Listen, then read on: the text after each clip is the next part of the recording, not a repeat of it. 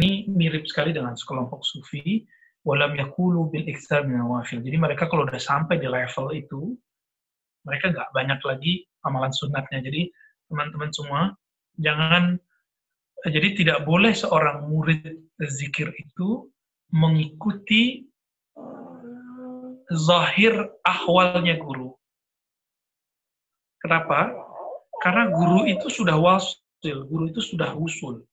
Jadi kadang-kadang guru itu kalau dikit amalannya, kita nggak boleh ikutin dikit amalannya. Misalnya gurunya udah tahajudnya dikit, ya, eh, terlihat tidurnya lengkap. Nah, kita nggak boleh ngikutin itu, karena mereka sudah nihayat. Jangan mereka sudah sampai di ujung jalan, kita baru di awal jalan. Ya. Mereka sudah di ujung, makanya santai. Maka dikatakan sini, walam yakulu bil iksar bin nawafil. Jadi, al-muradun ini mereka emang nggak banyak lagi amal-amal sunatnya وقد ru'u jam'un minal masyayikh ya ini bukan jami'un ya jam'un ya yaknya di di, di, di tolong di ini dihapus minal masyayikh qallat nawafilum jadi jangan heran kalau diperhatikan sekelompok masyayikh sedikit sekali amal sunatnya ya tapi kebanyakan orang mengira wah ini ini berarti orang ini bisa sampai ke sana tanpa perlu amal sunat. Ini sama dengan ahli nahu, ahli hafalan, ahli baca kitab. Kalau mereka mau ujian itu nggak perlu baca lagi. Nah kita kita yang lemah-lemah ini nggak bisa ngikutin itu. Kita harus belajar ya.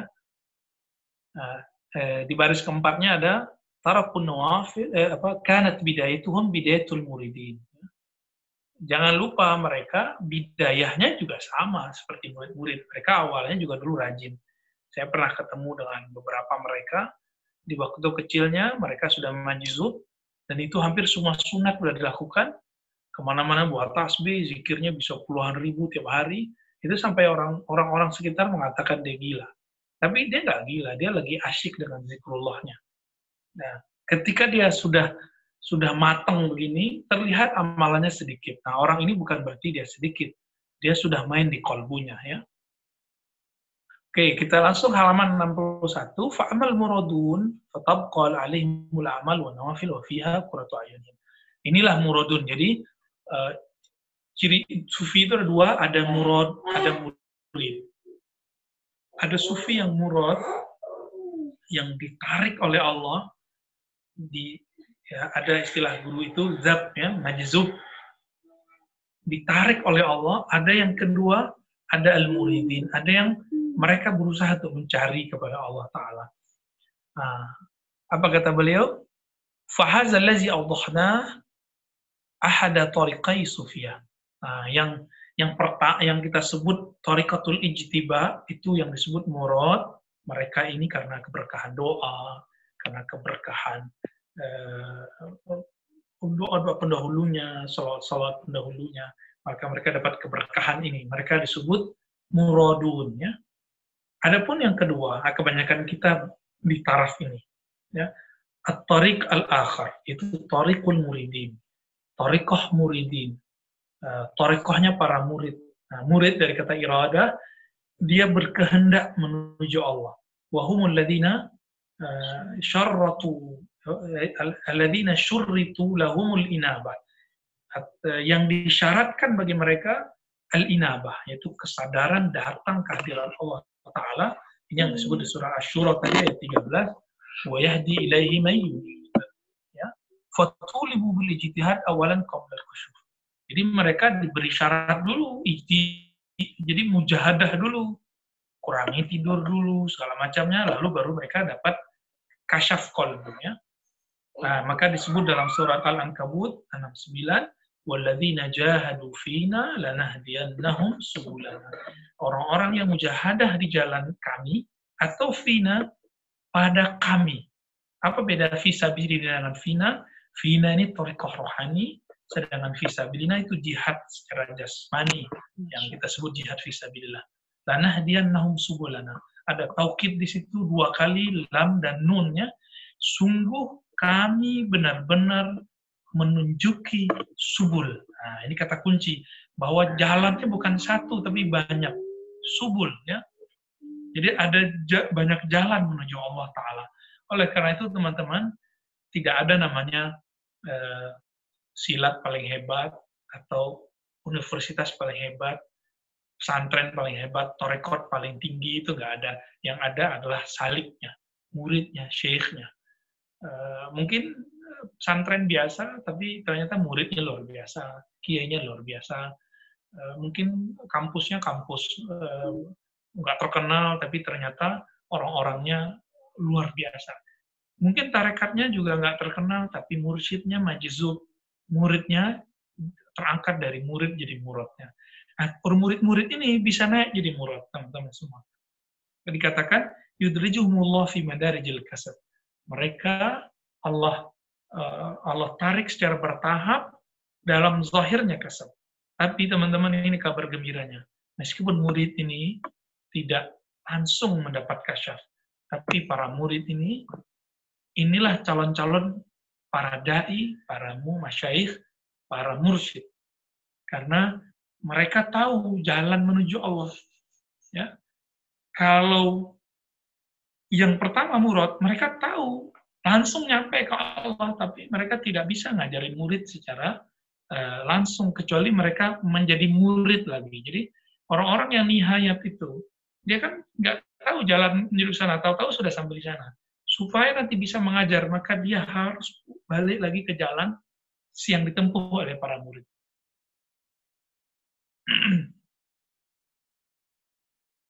ya, kita langsung ke paragraf yang setelahnya. Eh, diringkas sanatnya Sami'atu Aba Muhammad Al-Jariri yaqulu Sami'atu Al-Junaid rahmatullah alaih. Imam Junaid berkata, kata muridnya yaitu Al-Jariri. Ma akhasna tasawuf anil qil wal qal. Nah, ini perlu digarisbawahi perlu dijadikan hafalan bagi pikiran kita. Uh, kami mengambil atau mempelajari tasawuf bukan dengan kilul qal, bukan dengan kata syanu, kata syanu. Ya. Ya, Bu. Jadi ini perbedaan ahli kalam, ahli fikih dengan ahli hadis dan sufi. Ahli fikih berkata qadi fulan, qadi fulan, ya. Tapi uh, ahli kolbu dia tidak cukup mengatakan berkata fulan, berkata fulan. Tapi dia harus langsung. Setelah mengenalkan qala fulan, qala fulan, dia harus langsung beramal. Walakin anil jauh. Tapi dengan jauh. Apa arti jauh? Berlapar-lapar. Ini yang disebut mujahadah. Ya. Watarkid dunia, meninggalkan cinta dunia. Wa qat'il ma'lufat wal mustahsanat. Memutus Eh, kesenangan-kesenangan hawa nafsu dan mustahsanat apa yang indah menurut nafsu. Ini bukan berarti dia miskin enggak ya. Ini ini perkara kolbu semua, semuanya ada di kolbunya. Nah, dan cara zahirnya adalah dengan berlapar-lapar dan zahirnya mengurangi dunia. Makanya uh, seorang yang yang yang murid ini dia harus belajar ya Allah mengurangi makan, bisa dengan puasa, bisa dengan mengurangi makan aja ya. Mengurangi tidur. Tidur itu bagian dari ma'lufat. Kemudian eh, mak, apa namanya? fasilitas yang banyak dihormati orang itu mustahsanat ya. Kalau ada sedikit dalam hati goresan kalau ada orang tuh murid nggak cium tangan, nggak merendah, terus ada perasaan nggak nyaman. Nah ini orang hijabnya adalah mustahsanat oleh karena itu para sufi punya metode namanya torikoh malamatiyah. Jadi semakin dihujat, semakin hilang hijabnya. Berkata Muhammad bin Khafif, al-iradatu sumuwil qalbi li talabil murad. Ya. Wa haqiqatul iradah istidamatul jad wa tarkir rahah. Nah, ini. Jadi, al-iradah, iradah, spirit dari murid itu adalah kehendak. Apa itu? keluhuran kehendak kolbu dalam mencapai tujuan, yaitu Allah Ta'ala. Maka cara memahami hakikat Allah itu cuma dengan satu hal, keistiqomahan eh, dalam kesungguhan, misalnya kalau dikasih amalan nama guru itu harus istiqomah.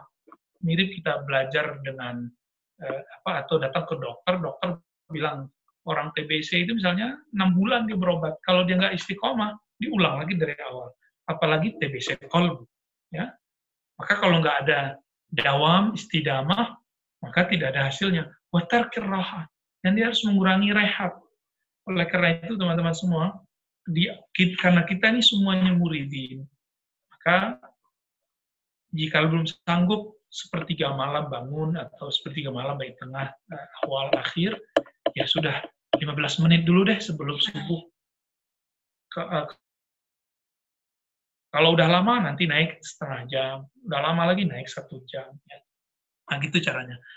Dan dikatakan kalau Abu Utsman berkata Abu Utsman al-murid alladhi mata qalbu an kulli syai' dun Allah taala fa yuridu Allah wahda yuridu qurbahu wa yashtaqu ilayh hatta tazhab hatta tazhab syahwatu dunya an qalbihi li shiddati syauqihi ila rabbih. Nah, di halaman 62 Abu Utsman ya seingat saya namanya Abu Utsman Ad-Darani ya murid itu yang kolbunya telah kaku dari selain Allah. Kalau terjemahan harfiahnya mati kolbunya dari selain Allah. Yang dia inginkan cuma satu, mendekat kepada Allah itu murid. Ilaih ya. Maka jauh pun dia kejar ilmunya ya. Uh, coba kita lihat ya. Kalau udah kajian dulu, kalau kajiannya Abah sekumpul di Kalimantan itu, itu dari mana-mana orang datang. Kalau ada haul Syekh Fulan di Jawa, ya di Banten, itu itu dari mana-mana mereka datang.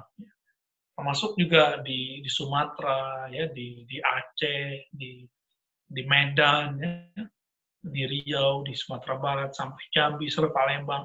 Itu kalau ada ada ada kajian syekh-syekh tertentu yang ahlullah, itu murid-murid dari mana-mana datang. Bahkan dari luar negeri pun datang. Apa yang mereka mau?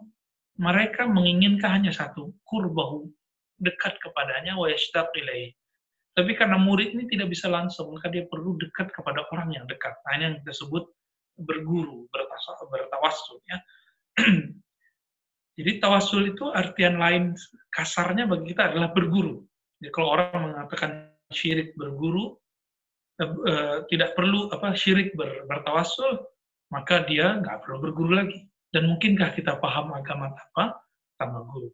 Hatta tazhab tazhab syahwatu dunya an qalbihi. Sehingga kalau mereka terus menjaga kerinduan ini, rindu-rindu rendahan, ya, syahwat-syahwat dunia dari kalbunya itu hilang. Makanya Nabi SAW mencontohkannya. Nabi itu disebutkan, aku menyenangi beberapa hal, dibuat senang atas beberapa hal. Apa itu? Dari dunia ya. Uh, An-Nisa Utib. Uh, perempuan, istri maksudnya, dan tib, pewangian. Tapi beliau mengatakan, wuju'ilat qurratu aini fi. Tapi kerinduan kolbuku hanya terobati dengan sholat, di dalam sholat. Nah, ini yang murad. Nabi itu kan murad. Sedangkan kalau murid baru jelas salah. Uh, inilah ahwal dari orang-orang yang rajin ke masjid, rajin ngaji, rajin zikir.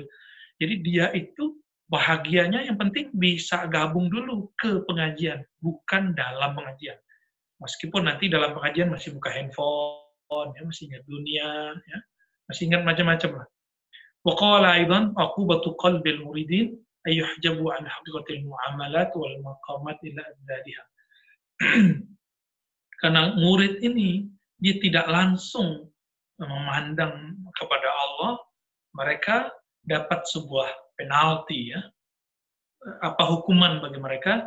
Ayuhjabu. Mereka dihijab dari hakikat muamalat dan maqamat kepada Allah Ta'ala ya. Fahazani tariqani yajma'ani ila sufiyah. Jadi memang dua ada dua tariqah sufi, satu tariqah muradun, ada tariqah muridin.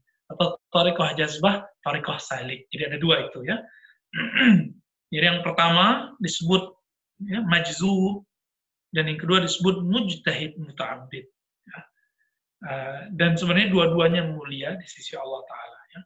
Wali sufiyah fi tariqihim babu muridin wasihatu tariqihim bihusnil mutabah ya ini masih sama penjelasannya teman-teman semua kita langsung masuk ke bagian bawahnya uh, ada satu riwayat dari Abu Sa'id al-Sukari uh, as-sukri ya yakulu atau as-sukari bisa karena dia suka sakar, suka mabuk dalam cinta kepada Allah. Dia mendengar juga Abu Sa'id Al-Kharraz berkata, "Kullu batinin yukhalifuhu zahirun fahuwa batil." Ini jadi kaidah. Jadi kita melihat hari ini banyak orang-orang majizub, tapi kok amaliah dia, kata-katanya, ajarannya bertentangan dengan dengan zahirnya akidah sunnah. Ya, saya sudah konsultasi dengan banyak ahli-ahli kolbu, saya tanya, adakah wali itu selain ahli sunnah? Jawaban beliau tidak ada. Semua wali itu ahli sunnah. Meskipun dia nggak tahu kalau dia ahli sunnah. Ya. Apa kata kata Imam Abu Sa'id Al-Kharras, Imam Bapak Tauhid dalam tasawuf, kullu batin. Setiap ajaran ajaran rohani yukhalifuhu zahirun yang bertentangan dengan syariat yang zahir, maka dia batin. Jadi teman-teman semua, Nah, jangan tertipu dengan amal-amal apa dengan dengan kata-kata orang sianu wali senul dengerin dia ajarannya apa ya kalau dia mulai mengajarkan nggak perlu lagi sholat nah itu mulai hati-hati ya. Imam Junaid mengatakan ilmuna hadza mustabiqun bi hadisi Rasulullah SAW ya. Ini perlu dihafalkan juga bagi eh, orang-orang uh, yang awal menapaki jalan hadis eh, orang-orang uh, yang ragu dengan tasawuf karena di luar sana banyak yang menuduh tasawuf itu zindik. Apa kata Imam Junaid? Imam Junaid ini pakar hadis, tapi dia memilih jalan tasawuf. Apa kata beliau?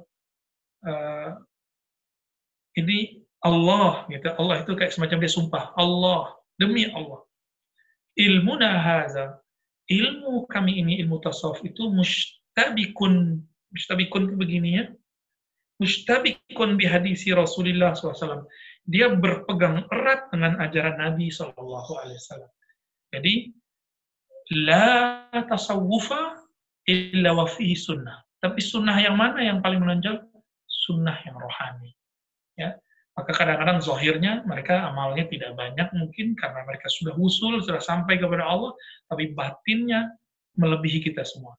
Teman-teman semua, bukankah uh, dua rokaatnya Nabi lebih mulia dari semua sholat para Nabi.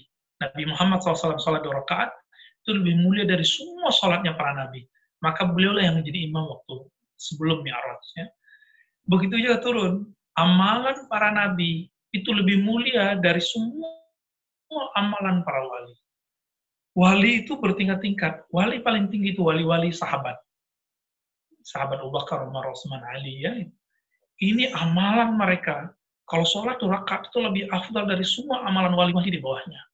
Nah, wali-wali di bawahnya inilah wali kutu, wali gaus, ya, wali-wali utama yang yang besar-besar itu, yang karena mereka kita masih menikmati udara hari ini meskipun kita sedang dihadang oleh virus, itu karena doa mereka kita masih bisa tahan. Kalau nggak mungkin dunia ini hancur semua. Dan mereka ini kadang-kadang bersembunyi dengan baju hadis. Ya. Karena beberapa wali-wali besar itu ternyata ahli hadis. Kita melihat ada yang wali ahli hadis, ahli fikih. Kata Ibrahim bin Adham, wahai ahli hadis, dengarlah kalian, Allah sarrafallahu annal bala. Allah jauhkan dari kami bala.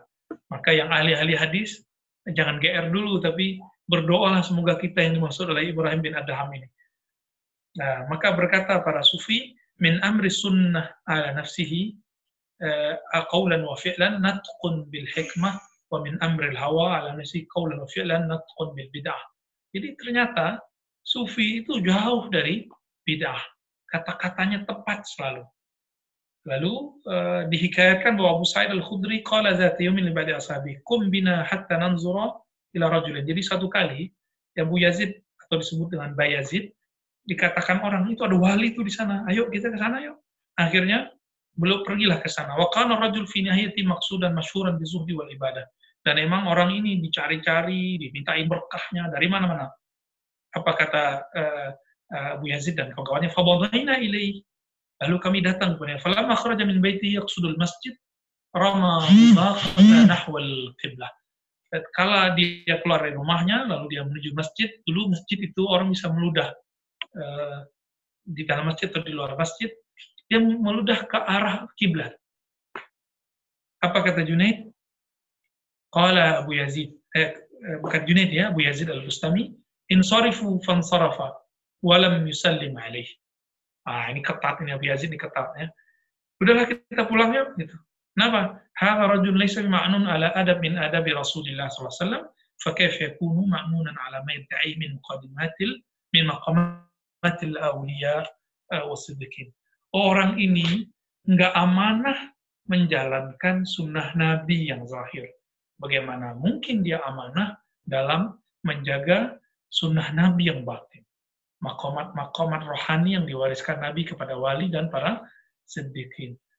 Nah, murid dari Imam Junaid, namanya Shibli, ya, itu punya khadimnya, eh, ditanya si khadimnya ini, apa oh, santri dalamnya, Hei khadim, ma ra'aita eh, inda mauti? Apa yang kamu lihat ahwalnya Imam Abu Bakar Ash-Shibli sebelum dia meninggal? Faqala lamma amsaka lisa لسانه وعرق لما أمسك لسانه وعرق جبينه أشار إلى أن وضعني للصلاة فوضعته ketika dia mulai sakaratul maut ya maka beliau memerintahkan aku untuk mewudukkannya untuk sholat lalu aku wudukkan ya fanisi itu tahlil lihyatihi tapi jenggot dia punya jenggot aku lupa untuk me, uh, mengurai-ngurai dengan air jenggotnya sebagai sunnah Nabi. Faqabadha ala yadi wa adkhala asabi'i fil yati. Lalu dia ambil tanganku supaya uh, me, melerai-lerainya ya. Artinya Shibli sebelum meninggal tidak men, tidak mau luput dari satu sunnah yaitu sunnah merapikan uh, jenggot saat saat berwudu. Yang nggak punya jenggot ya kasihan ya. Kalau Sahal bin Abdullah At-Tustari kullu wajdin la yush la yashhad lahu kitab sunnah. Jadi Tustari ini sufi luar biasa, uh, penyeimbang sunnah dengan sunnah yang zahir dan batin apa kata beliau semua natijah-natijah rohani, ahwal-hawal rohani disebut wajad ya. Yang tidak ada bukti dalilnya dari Quran dan Sunnah maka dia batil. Jadi jangan salah kalau kalau di luar sana orang nanya mana dalilnya. Nah ini ternyata itu jargonnya sufi seharusnya ya. Nah, kita tutup dengan kata beliau, hada hal sufiyah wa tarikuh. Inilah halnya sufi, inilah tarikohnya sufi. Wa kullun man yadda'i halan ala ghairi hadzal wajhi famudda'in maftunun kazzab. Ini hati-hati teman-teman semua. Siapa saja yang ngaku-ngaku halan ala ghairi hadza suatu ahwal atau makomat selain dari yang dikatakan oleh Imam Junaid, Imam Yazid Bustami, Abu Sa'id Al-Kharraz, keseimbangan zahir dan batin, famudda'in maftun. Maka orang ini ngaku-ngaku maftun, dia dapat fitnah, ya, dia terjebak dalam kekacauan, fahuwa kazab. Maka dia juga adalah kazab, dajjal, dajjal junior. Ya. Semoga kita terjauhkan dari mudai-mudai, supaya kita tidak terjebak dari mudai, maka carilah guru yang ma'zun bisanad, yang dapat izin sanad dari gurunya, dan i'tadala baina zahirihi wa batinihi, yang seimbang antara zahir dan batinnya. Begitu eh, sahabat-sahabat uh, semua, silahkan kalau ada pertanyaan. Baik, terima kasih banyak Bu ya. Uh, okay. Dibacakan Bu ya. Wah, saya baca aja deh. Oke, baik. Beberapa hari kemarin saya bertemu dari Rituan Arif ya. Saya bertemu dengan seorang bapak yang aneh. Dia berbicara yang aneh, dianggap nyeleneh. Ya. Sehingga dianggap sakit atau gila.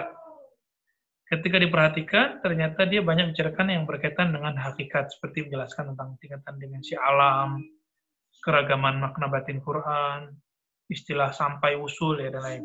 Padahal dia sepertinya bukan kalangan orang pesantren, tapi mengetahui hal tersebut. Bagaimana itu? Ya, besar kemungkinan orang itu mujtabah atau murad ya, atau jazab, tapi tidak ada orang yang yang lebih tinggi jazbahnya dari dia yang membimbingnya. Sebenarnya orang ini dia sedang bergerak mencari magnet yang sebenarnya yaitu eh, wali-wali uh, yang yang yang lebih mujtabah. Jadi jika murid itu ada gurunya namanya Syekh Mursyid, Mujtabani nanti ada juga wali-wali eh, tinggi di sana yang yang semuanya nanti akan ngumpul di sana. Seperti kayak uh, magnet. Jadi nanti dia akan ter, ter, akan sadar kembali ketika ketemu itu. Kalau nggak ketemu itu dia nggak akan sadar-sadarnya. Membedakan. Cara membedakannya. Cara membedakannya ya sederhana. Dia nggak pernah nyantri, nggak pernah berguru. Kok kok dia dapat ilmu-ilmu awalin wal akhirin. Ilmu tentang hakikat alam, ya dimensi-dimensi alam, makomat-makomat yang aneh-aneh. Ya. Oke, lanjut. Fenomena Imam Malik yang bertemu 80 sufi tapi beliau tidak merekam satu pun hadis dari mereka. Apakah kesibukan spiritual tidak sebanding? Oke, iya. Ini siapa nih? Buya Yunal ya. Betul, kesikohan rohani beda dengan kesikohan uh, uh, ilmu hadis. Kesikohan ilmu hadis itu tidak cukup kesolehan. Dia jadi uh, kesolehannya itu tidak menjamin dia ini dobit. Jadi dia tidak mesti orang yang kuat hafalan, eh, orang yang kuat rohaninya, dia kuat hafalannya. Bahkan ahli hadis sendiri, kalau dia sudah mulai senior, tua, amalan-amalannya lebih banyak daripada hafalannya, juga sama. Seperti Sufyan bin Uyainah, akhir hayatnya menjadi zuhud murni. Maka di saat itu beliau lebih banyak lupa kepada dunia, bahkan lupa kepada hafalan hadis. Sehingga empat tahun sebelum beliau meninggalkan riwayat hadisnya. Nah, imam, imam eh, seperti Imam Malik, bukan berarti beliau nggak nggak punya guru muhadis sufi. Beliau punya guru muhadis sufi, yaitu Ja'far Sadiq tadi. Uh, ada lagi uh, yang sebelumnya itu Yahya bin Mu'az ar-Razi, Abdul Aziz ar-Rawat, ya. Itu semua sufi-sufi muhadis. Ibnul Mubarak, ya, itu kawannya beliau malah. Bahkan Imam Malik sendiri bagi saya adalah sufi. Uh, ahwalnya ahwal sufi. Buktinya mana? Kata beliau, dan ini nggak mungkin dialami oleh ahli hadis biasa. Kata beliau, diriwayatkan oleh Imam Ibnu Aim, "Mabitu lailan illa ra'aitu Nabi SAW." Aku nggak tidur di malam hari kecuali aku bertemu Rasulullah SAW. Uh, saya baru paham bab ini setelah saya punya uh, guru tertentu kalau uh, tidak ketemu beliau itu saya selalu mimpi beliau gitu. bisa tiap malam mimpinya. Kalau lagi uh, rindu sekali itu bisa tiap malam uh, mimpinya. Nah, nanti kalau dia terobati dengan zikir-zikir yang diajarkannya baru mimpinya berkurang. Nah, biasanya begitu ya. Apalagi Imam Malik. Dia beliau beliau ngajar sampingnya makbarah Rasulullah ya. Kuburan makam Rasulullah SAW ya. Jadi kalau ada hari ini orang meragukan seseorang e, bertemu Nabi, ya, ya berguru deh ke Imam Malik, ngacak ke Imam Malik, atau baca di buku-buku terdahulu, ulama-ulama terdahulu, jangan-jangan kita kurang membaca itu.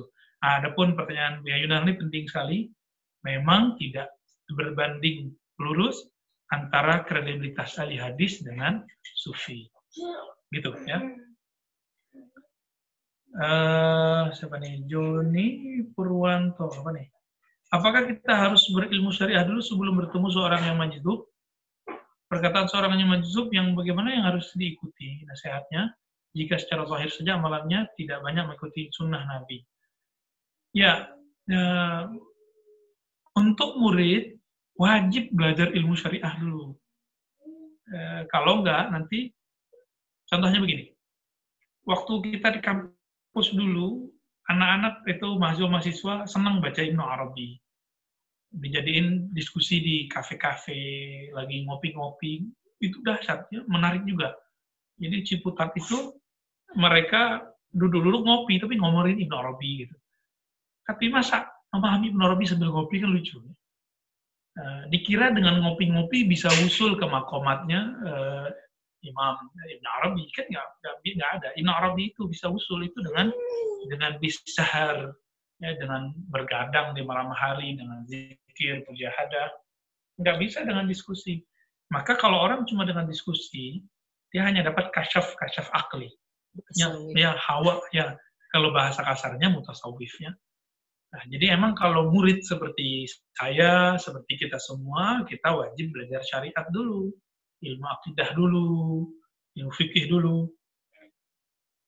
Nah nanti beda dukun nama wali itu cuma satu, syariatnya jebol ya. Kasih aja pertanyaan-pertanyaan. Jadi kalau mau uh, cek majzub itu tanya, kasih pertanyaan. Nanti jawabannya di luar uh, pikiran kita. Contohnya ada wali majzub lewat uh, depan Imam Ahmad dan Syafi'i. Imam Ahmad bilang ke Imam Syafi'i, saya mau kerjain orang ini. Dia kok sufi-sufi tapi kok nggak ngerti hadis gitu. Maka dikasih pertanyaan, wahai sufi, apa menurut pendapatmu tentang murid yang yang yang dia lupa rakaat sholatnya? Harapannya Imam Ahmad, orang ini akan jawab dengan wabili kalau hadasana diriwayatkan dari fulan, dari fulan, dari fulan, diriwayatkan dalam riwayat ini, kira-kira begitu. Tapi, kata Imam Syafi'i, jangan kamu tanya, nanti kamu kena. Tapi Imam Ahmad ngotot, akhirnya dia tanya, apa jawaban Sufi ini? Wa, yai Abu Abdullah, hai Abu Abdullah, jika ada seorang murid, dia lupa rokaatnya berapa, maka ajarkanlah dia sedang berhadapan dengan siapa. Sedang berhadapan dengan Tuhan yang luar biasa. Gitu ajarkan dia mengenal Allah sehingga dia tidak sembarangan lagi sholat.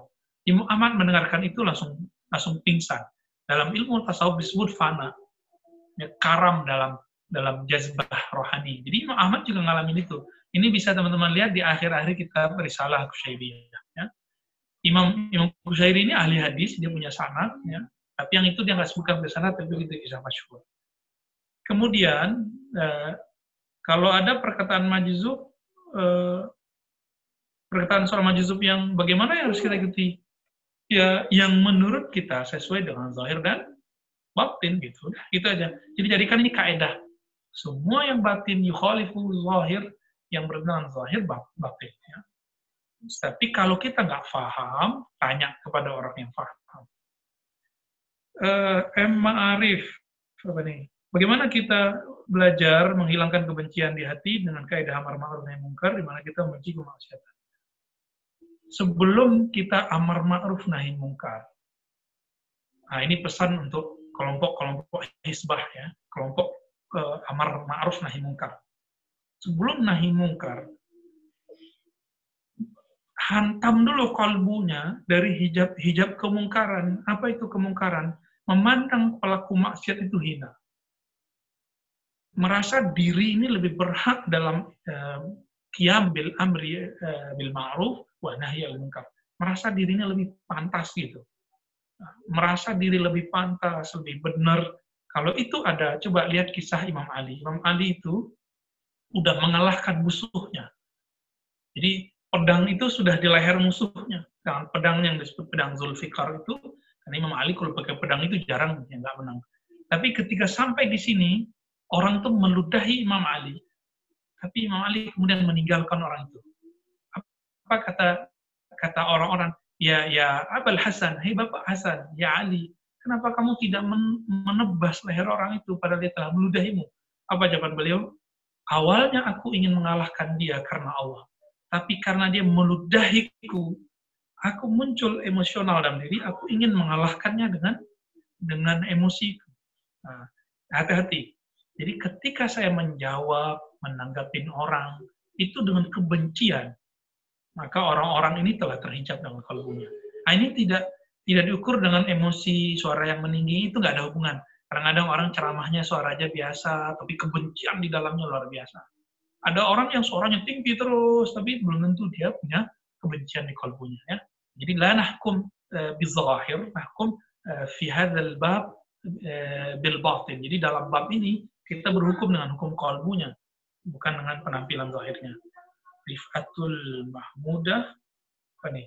Kalau dalam zikir ada ayat, apa harus tetap dibaca sesuai tajwid, seperti ifa iklab. Ya. Oh iya dong, cuma kan cara membaca nanti silakan buka kitab At-Tahbir fi Quran karya Imam Syuuti. Cara baca Quran itu ada yang tartil lengkap, tartil mujawad, itu distilahkan di situ macam-macam. Ada yang uh, cepat hadir ya, cepat gitu. Kalau baca wirid eh, boleh dengan cepat. Yang penting dibuat standarisasi cepatnya berapa. Gitu. Jadi hmm. boleh. Saya waktu ketemu kelompok uh, Budsishia Al-Qadiriyah di pengikut Sidi Hamzah Al-Maghribi ya di uh, di Paris mereka membacanya cepat memang tapi iklabnya ada tetap ada ikhfanya tetap ada gunahnya masih ada tapi baca cepat tanya ke teman-teman yang sudah punya riadah membaca khataman cepat ya, gimana caranya. E, mau tanya perbedaan ini Pak Hadat, Pak Hadat Yono. antara harapan dan angan-angan. Ya. Harapan itu maqaranahul amal. Kata Ibnu Athaillah, orang yang punya harapan itu dia punya amalnya. Saya pengen pengen wusul nih, pengen merasakan nyampe kepada Allah, ya cari guru yang juga sampai kepada Allah. Saya pengen haji nih, pengen umroh nih, boleh nabung. Saya pengen jadi ahli hadis nih, ya ya kejar ahli hadis. Kalau Imam Bukhari Muslim dulu jalan kaki, jadi Imam Bukhari itu dulu ternyata jalan kaki karena mereka malu. Jadi eh, apa namanya ontaknya itu dipakai cuma di musim-musim tertentu. Barang-barangnya terus itu nanti mereka jalan. Kenapa? Mereka mengatakan masa ahli hadis mencari hadis pakai onta, tapi jalan kaki. Sekarang teman-teman cuma kena macet sudah males ya. Apalagi nih. Uh, Izin sebutin ulang Ustaz matan hadis tadi tentang Nabi yang lebih yang lebih tenang di dalam sholatnya. Itu hadis riwayat Imam Nasai hobi ilayya minat dunya. Uh, aku dibuat cinta. Uh, jadi cinta ini fit, difitrahkan Allah. Hobi ilayya minat dunya an-nisa uh, yaitu istri-istriku dan tip wangiannya wa ju'ilat qurratu aini fi dijadikan kurroh ain, jadi penyedap mata, penenang jiwanya Rasulullah itu adalah sholatnya. Hadis dan Nasai, eh, beberapa ahli peneliti hadis mengatakan doaif, tapi menurut saya ini hadisnya hasannya. Bismillah, Assalamualaikum, ya ini dari Kang Dimas ya. Dalam berguru kita usaha untuk patuh ke guru, tapi kalau kita sebagai murid lebih melihat aib guru, apakah harus masih kita ikuti guru memakluminya karena manusia tidak lepas dari dosa. Oke, okay, baik uh, Imam Abu Yazid tadi, selevel beliau baru boleh ngomong. Ini orang bermasalah, ini orang tidak. Kalau selevel kita ini